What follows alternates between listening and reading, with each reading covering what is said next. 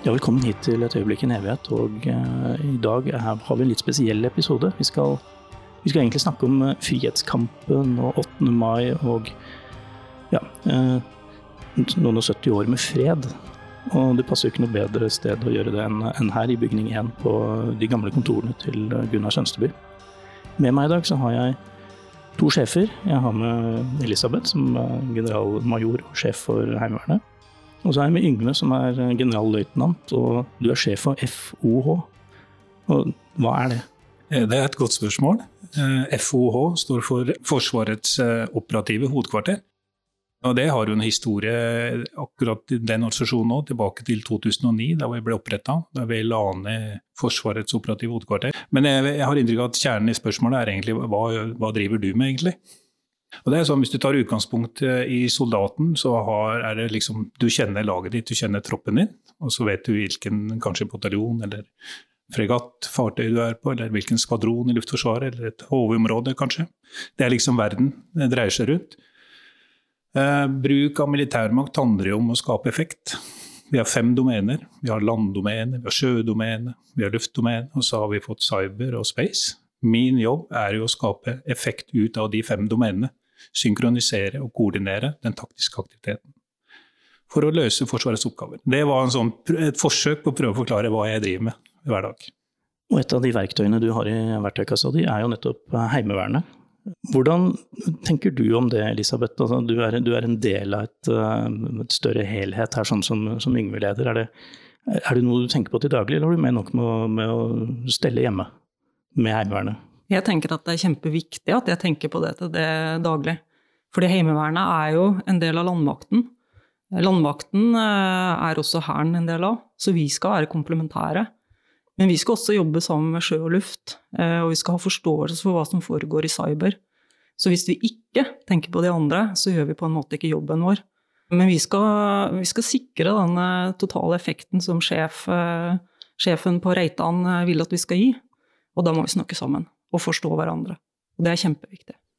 Jeg kan jo gi et eksempel da, på liksom den, den felles, hvordan ting henger sammen. Hvis du går tilbake til eh, kampene rundt Narvik og landgangen der. altså Den eh, landoperasjonen med general Fleischer og den historien der. Men det var jo også støtte av eh, sjø- og luftstyrke. Det var først når dette samla seg man fikk effekt ut av det.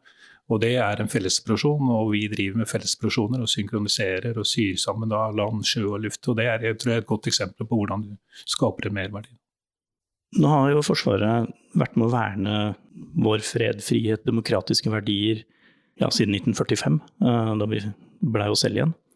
Er det en arv og en, en, tankegang dere har med dere nå, eh, når dere jobber i dag? Ja, i aller høyeste grad. Vi, vi, jeg har jo sagt mange ganger at vi nordmenn er gjerne litt sånn historieløse. Vi er en ung nasjon. Vi fikk vår selvstendighet i 1905. Så vi har en relativt kort ny historie. Vi har mange år i union med både Danmark og Sverige. Men historien til nasjonen går jo langt tilbake, til kongerekka. Eh, tilbake til vikingtida. Men den her frihetsfølelsen og det å bli selvstendig, det er noe vi tar med oss hele tida. Og jeg tror det er viktig å bygge på den historien. Vi har andre verdenskrig, da hadde vi fravær av frihet. Og vi fikk erfare hva det er. Så har vi også andre historier opp gjennom året. Nyere tid. 20 år i Afghanistan.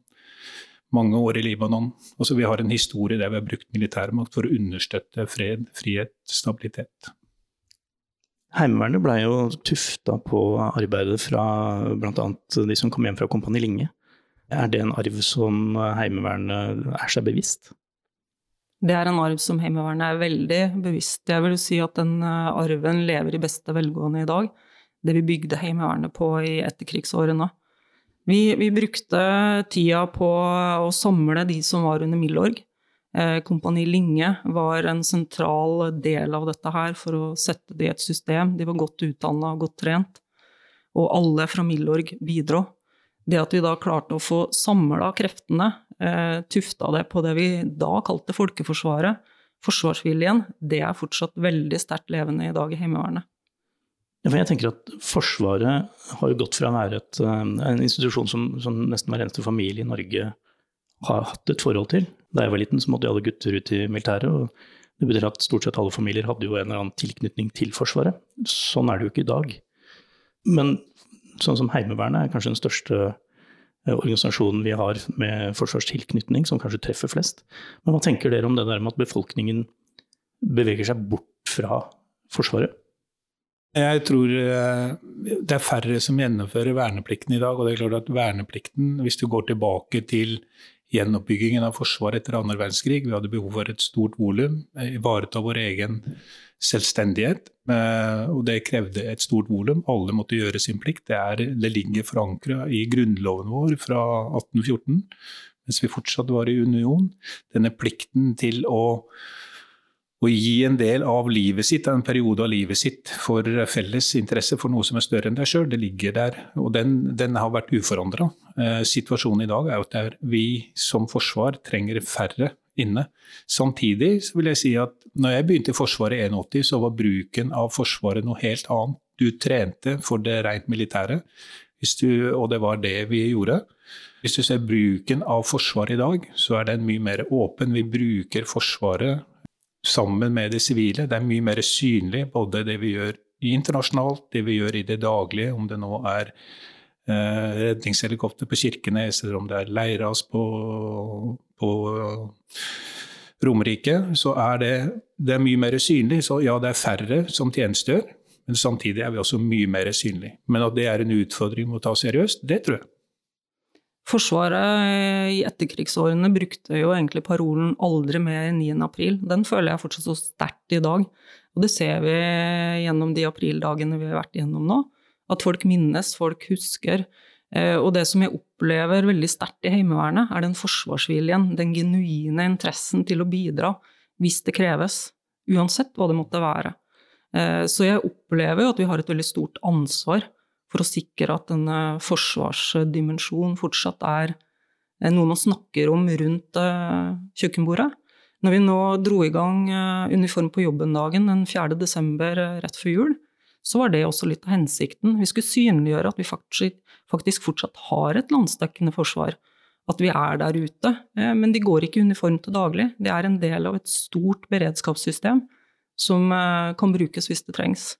Og hvert år så får jo Heimevernet ca. 4500 av de som tjenestegjør i førstegangstjenesten, overført til oss. Så det er jo et veldig, veldig viktig samspill mellom de som er inne i førstegangstjenesten, og den overføringa som skjer til oss. Og vi eh, søker jo da å trene disse her hvert år, helt fram til verneplikten utløper ved 44 år. En kjempeviktig dimensjon ved den plikten egentlig som ligger stadfesta godt i den norske grunnloven og den norske folkesjela.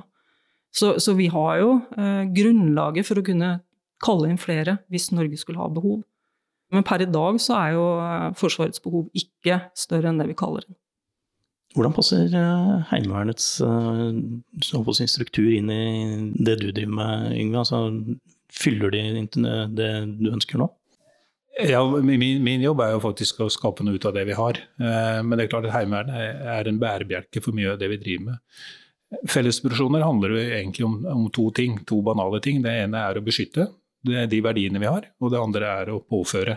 Altså bruke og påføre tap. Eh, I den beskyttelsesrollen så er jo Heimevernet helt sentralt. Eh, Heimevernet er én av to forsvarsgrener, det heter ikke det, styrkesjefer innenfor landdomenet, hær og heimevern. Den er landsdekkende. Den har et relativt stort volum, 40 000. Og den er lokalt forankra, så det er altså et stort volum i uniform som kan gjøre de grunnleggende oppgavene. Og innenfor det å beskytte dette med objektsikring er helt avgjørende. Å beskytte de verdiene. Og informasjon, objekt og personer osv. Og så er det jo nettopp også dette med det sivilmilitære samarbeidet, som er Heimevernet er lokalt forankra, regionalt, og er utmerket knytningspunkt mot det sivile, mot eh, statsforvalter, mot politi, mot helse, så er det Heimevernet som er der og gjør det samarbeidet. Og vi, er det noe jeg har sett i det siste, er at totalforsvaret, som tidligere var noe som man skulle generere ved krig, så er det noe vi bruker hver dag. Vi trenger samfunnet, trenger å ha en tett og god koordinering med alle de beredskapsinstitusjonene og de daglige etatene for å skape og beskytte de verdiene vi har. Så der er Heimevernet helt sentralt. Dere har jo vært gjennom et eh, ganske intenst år, egentlig, i Heimevernet. Dere har hatt uh, grenseansvar for pandemien. Dere har vært uh, vakt under Rasu-katastrofen på Gjerdrum. Fyller dere uh, de oppgavene dere skal? Det vil jeg absolutt si at vi gjør. De to hendelsene viser jo egentlig at vi er en beredskapsorganisasjon som virker etter intensjonen. Og litt av det som Heimevernet ble tufta på, at man skulle ha motstandskraft og beredskap i samfunnet, henger veldig nøye sammen med også den totalforsvarsdimensjonen som ble veldig sterk i Norge etter eh, andre verdenskrig. Så både Heimevernet og totalforsvaret henger nøye sammen. Og vi har på en måte limet totalforsvaret på det lokale og det regionale nivået med den landsdekkende organisasjonen vi har. Jeg eh, hadde en prosess i høst som var, der vi skulle utvikle en strategi for hvor vi skulle ta Heimevernet fram mot 2030. Og det vi fant ut i den prosessen der, at det er helt avgjørende at vi klarer å beholde det som er det viktige fundamentet vårt, som egentlig vi ble tufta på etter andre verdenskrig. Denne heimevernets egenart, som har denne lokale tilknytninga, som kjenner eh, veier og systemer og folk, og ikke minst har et nettverk som kan få ting til å skje som sikrer denne forsvarsviljen ute i, i samfunnet. Det at, vi, det at, alle kommuner i Norge har en forsvarskontakt, har vi nå fokus på.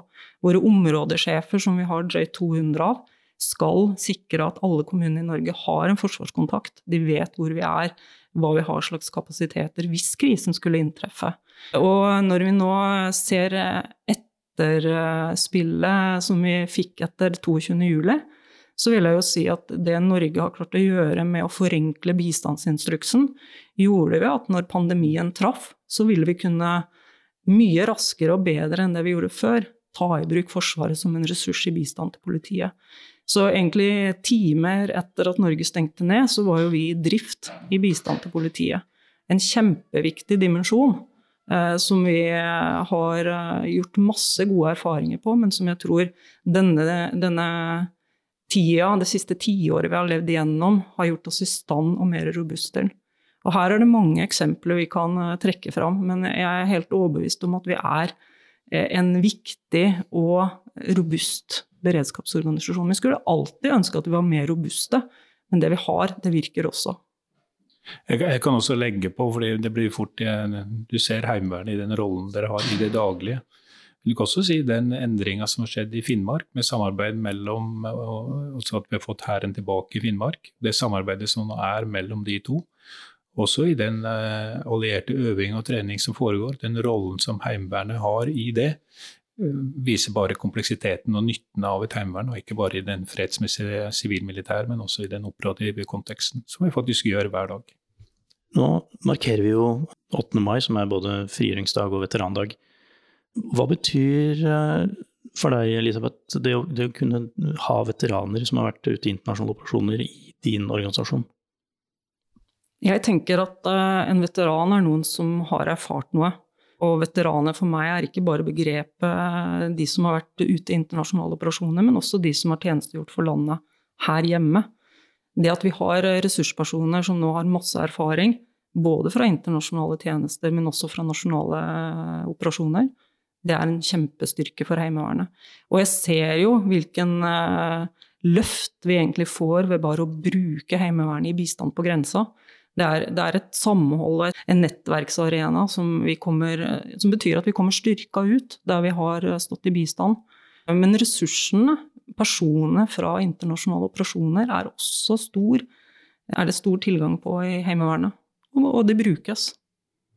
Føler du at uh vi, vi, har eh, nok kvalifisert mannskap sånn generelt når du skal uh, se i skuffen din? Du vet at Vi, vi er privilegerte, og jeg, jeg, er overbevist om at vi har uh, verdens, av verdens beste soldater. Det vernepliktsgrunnlaget vi har, gjør at vi, de soldatene som kommer ut, er reflekterte, godt skodde, de evner å tenke sjøl, og evner også å gjøre jobben. Jeg kan gi deg et eksempel. I 2004 så var jeg bataljonssjef på Setermoen. I løpet av den våren så fikk jeg oppdrag om å dra til eh, Kabul for å sikre det første presidentvalget i 2004, etter 30 år med krig. Og Da tok vi avdelinger rett fra verneplikten og deployerte etter tolv måneder. Og den jobben som de gjør, eh, ja, det krever ledelse, det krever risikohåndtering, men det, det, gjør meg helt trygg på at vi har det beste grunnlaget for å lage operativ evne ut av de soldatene vi har. Så at vi har gode soldater, er jeg ikke uh, i tvil om i det hele tatt. Altså, det, det, er jo alltid en balanse mellom dette med trening, tilstrekkelig utstyr, motiverte og trygge mannskaper, ledelse. Hvordan tenker dere rundt det å håndtere det? det du kjenner vel kraftig på det, Elisabeth? Det er eh, selv, Selvsagt kjenner jeg på det. Det å sikre at Heimevernet er et, eh, et klart verktøy hvis nasjonen trenger det, det er jo mitt ansvar. Det vi eh, gjør det gjennom, det er å jobbe med beredskap hver dag. En del av den beredskapen er å ha årlige treninger som sikrer at soldatene våre er robuste nok i soldatferdighetene sine. Det at de kjenner laget sitt, det at de vet hvilken tropp de har, de kjenner oppdraget sitt. I 2019 eh, så kjørte eh, forrige heimevernssjef, som nå er forsvarssjef, en alarm på et av heimevernsdistriktene våre for å sjekke beredskapen. Og det var eh, et veldig, veldig bra resultat. Det var HV14 som har tilholdssted på Drevjamoen, der ingen visste at det ville være en beredskapstest. De slapp alt de hadde, og dro inn, løste første delen av oppdraget, som er et oppmøte for kontroll på utstyr, våpen og oppdraget. Eh, så jeg tenker at når vi gjør sånne tester, så beviser det at det vi gjør, det virker. Men for å få det til å opprettholdes for fremtida, så er det viktig med den årlige treninga. Eh, det har vi slitt med nå under pandemien. Så deler av Heimevernet har rett og slett ikke trent eh, i år, når det mer muterte, vanskelige viruset gjør det krevende for oss i deler av Norge. Vi tilpasser oss til lokale stedene, men når, når denne situasjonen er over, så er det det som vil ha kjempefokus.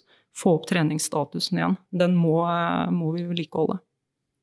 Ja, det er jeg helt enig med Lisbeth. Det er en uh, vanskelig balansegang, dette med uh, utstyr, trening.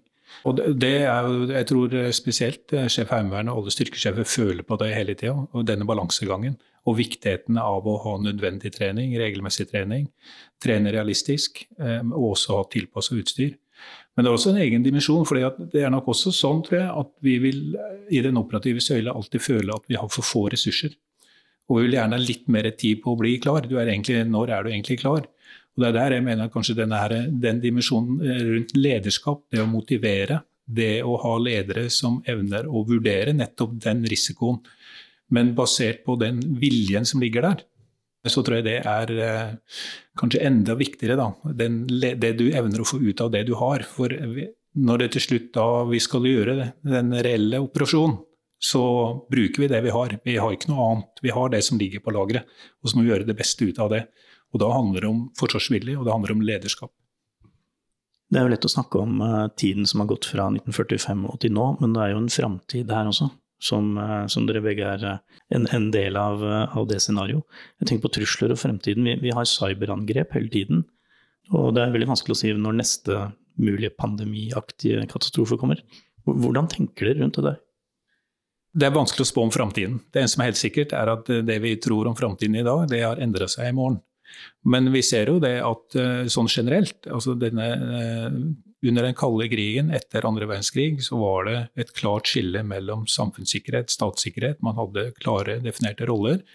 Og vi levde egentlig det jeg kaller en, enten en total fred eller en total krigforståelse. I dag har dette blitt mye mer gråaktig. Vi ser at bruken av militærmakt i dag er eh, mye mer fleksibel, mye mer dynamisk. Det er to domener som har kommet opp. Cyber, som du nevner. Vi har ikke bare et angrep, vi har også attribuert til en annen nasjon. Vi er under angrep i et av de domenene. Space er under utvikling som et sivilt-militært eh, prosjekt. Og, så jeg tror at vi må ha en med evne i det vi har, da, og tilpasse oss fortløpende. Og tilpasse bruken. Eh, men at eh, vi står godt rusta i det vi har. Og jeg tror det går litt tilbake til også forsvarskonseptet som ligger i dag, da, med det nasjonale forsvaret. Så ser vi at Nato har alltid ligget der som et fundament. Men jeg ser at også det bilaterale samarbeidet har kommet opp som en viktig del, nettopp for å få til effekt. Og det er jo den rammen vi klarer å skape den helhetlige operative evnen, sammen med andre. Og der totalforsvaret selvfølgelig er en viktig del av det hele. Du som har den største håper å si, sivile kontingenten hvor, hvor folk flest opererer, kjenner du noe på de nye truslene, Elisabeth? Det er åpenbart at vi som nasjon har eh, behov for å videreutvikle oss knytta til de nye truslene. Det at vi har et uh, sektorsamfunn, det kommer vi nok til å ha i veldig, veldig mange år fremover. At det er sektorene som er ansvarlig for den jobben de skal gjøre, enten det er Vegvesenet, helsevesenet eller hvem det måtte være. Det tror jeg er en smart bruk av nasjonens ressurser. Men det at vi klarer å få et sånn uh, situasjonsforståelse for de truslene som er sektorovergripende, sånn som cyber er, uh, at vi klarer å se bildet, det er noe vi må jobbe med hver dag. Og den utviklinga går utrolig fort. Påvirkningsoperasjonene er vi utsatt for hver dag, og det er bare å kikke rundt oss, eh, så, så ser vi det. Det skjer også i Norge.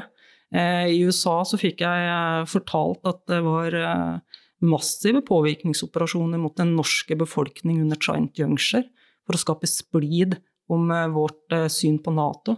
Det at vi som befolkning klarer ha tillit til myndighetene, eh, bevare den tilliten. Eh, klarer å sorte vekk det som er av eh, fake news. Dette tror jeg er viktige fokusområder fremover. At vi klarer det, og lykkes med det. Det tror jeg er viktig for at vi klarer å bevare samfunnet sånn som vi kjenner det i dag.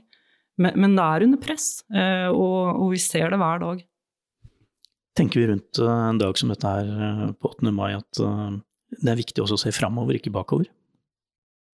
Ja, jeg tror, jo, men samtidig jeg tror det er viktig å gjøre begge deler. Du må, du må, kjenne historien. Du må forstå historien. Hvorfor er vi der vi er i dag? For å kunne stakke kursen. Men du må ikke reprodusere historien. Du må bruke historien og erfaringene for å møte morgendagens trusler. For det er i framtida og framtiden ligger. Et, eh, et, godt eksempel på noe som vi reflekterer over i dag, det er jo hva som faktisk skjedde 22.07. Hvorfor noen, eh, og da i Heimevernet, Eh, løper til et sted der andre løper fra.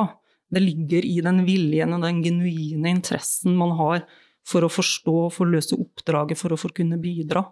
Områdesjefen som hadde Stortinget, eller regjeringskvartalet, da, som, som, objekt, han fikk relativt raskt Det er snakk om minutter etter spørsmålet om scramble. Elleve minutter etter hendelsen på regjeringskvartalet så var det melding på telefon om Ice on Target. Dette viser egentlig eh, reaksjonsevne i praksis, men, men, det som er viktig for at vi skal kunne ha den reaksjonsevnen, det er at folk har viljen og ønsket om å bidra, og den må vi bevare. Så det er viktig at vi, vi klarer nasjonalt da, troen på det vi ønsker å stå for. Hva betyr frihet for dere? Det er et stort spørsmål. Men for meg betyr det egentlig to ting. Det ene er det individet. Retten til å være den du er. Retten, eh, respekten for individet, respekten for forskjellene, for mangfoldet. Egentlig med basis i menneskerettene. Det, det, er liksom det grunnleggende. Men så er det også friheten innenfor nasjon, altså nasjonens frihet. Vi hadde i 40-45 fravær av frihet. Det tror jeg dem som var med da, følte sterkt på Jeg nevnte Afghanistan 2004, de har også vært gjennom sin. Og den opplevelsen å stå i Kabul under det første presidentvalget og den enkeltes glede og giv da, eh, for å faktisk være med å bestemme hvem skal bestemme, de hadde også opplevd fravær av frihet. Så tror jeg det er viktig at frihet er ikke noe du skal ta for gitt. Jeg har en plakett på kontoret mitt er, eh, der det står 'May we always remember'. Freedom isn't free. Og I det så ligger også at vi må alle nasjonens innbyggere bidra til å ivareta friheten vår. Jeg er enig med Yngve at det er et stort spørsmål. Når jeg reflekterer over frihet, så tenker jeg ofte på dit jeg flytta for 14 år siden, og der jeg fortsatt bor. Eidsvoll kommune, grunnlovsbygda. Og mindre enn fem kilometer fra huset så er Eidsvollbygninga. Det er et sy symboltungt sted i Norge. Eh, det at vi klarte å få en grunnlov som var tufta på de verdiene som egentlig samfunnet vårt står for i dag, det, det er jeg utrolig stolt av, og det er bygda veldig stolt av. Og, og, hver 17. mai så samles alle sammen rundt det stedet. Nå har vi ikke fått gjort det i fjor, kanskje ikke i år heller, men, men det er en viktig symbolverdi. Det at jeg får lov til å tjenestegjøre med flagget på armen, eh, det, det gjør meg også stolt. Det at vi representerer et samfunn der ytringsfrihet, menneskerettigheter, lov til å være den du er, si det du ønsker, uten at du på en måte at du, du har en rettssikkerhet i bunn. Altså, du blir ikke trua. Eh, du blir ikke eh, trua til stillhet, eh, slik som vi kan se i andre samfunn rundt oss. Det tror jeg er eh, viktig å ha med seg på en dag som det er. Men det er verdt å kjempe for, eh, og det kommer ikke gratis, det kommer med en pris. Jeg blir så utrolig rørt hver gang jeg ser flagget heises og jeg hører nasjonalsangen. Da får jeg en sånn klump i, i, i halsen, eh, og det betyr noe for meg. Denne, denne, friheten vi har, og det at jeg får lov til å være med og, og ta del i at vi bevarer den. I år er det jo også et uh, merkeår for deg, Elisabeth. Heimevernet er 75 år. Gratulerer. Tusen takk for det. Jeg syns det er et, uh, et, viktig år. Uh, vi markerte jo inngangen av jubileumsåret med et besøk på Elverum, der vi på en måte skulle binde historien sammen med fremtida. Vi fikk, og var så heldige, å få Erling Lorentzen på besøk. Samtidig som vi da hadde en av våre yngste heimevernssoldater, Erika, med oss. Eh, og denne linken som en kickoff eh, til jubileumsåret, den, eh, den var viktig. 6.12. så fyller vi 75 år. Formelt var det da Stortinget godkjente Heimevernet som organisasjon. Det skal vi markere gjennom flere hendelser i løpet av året. Og vi skal også ha en ny uniform på jobben dagen den 6.12. med en avsluttende festivitas på, på kvelden hvis koronasituasjonen tillater det. Men uansett så vil det bli en markering. Og det markerer at vi fortsatt står støtt på det fundamentet som Heimevernet ble oppretta på eh, i etterkrigsårene, og kommer til å ta med oss mye av det videre i fremtida. Overalt, alltid. Da vil jeg bare gratulere begge to med 8. mai og frigjørings-slash-veterandagen. Takk for at dere passer på oss. Gratulerer med dagen. Gratulerer med dagen.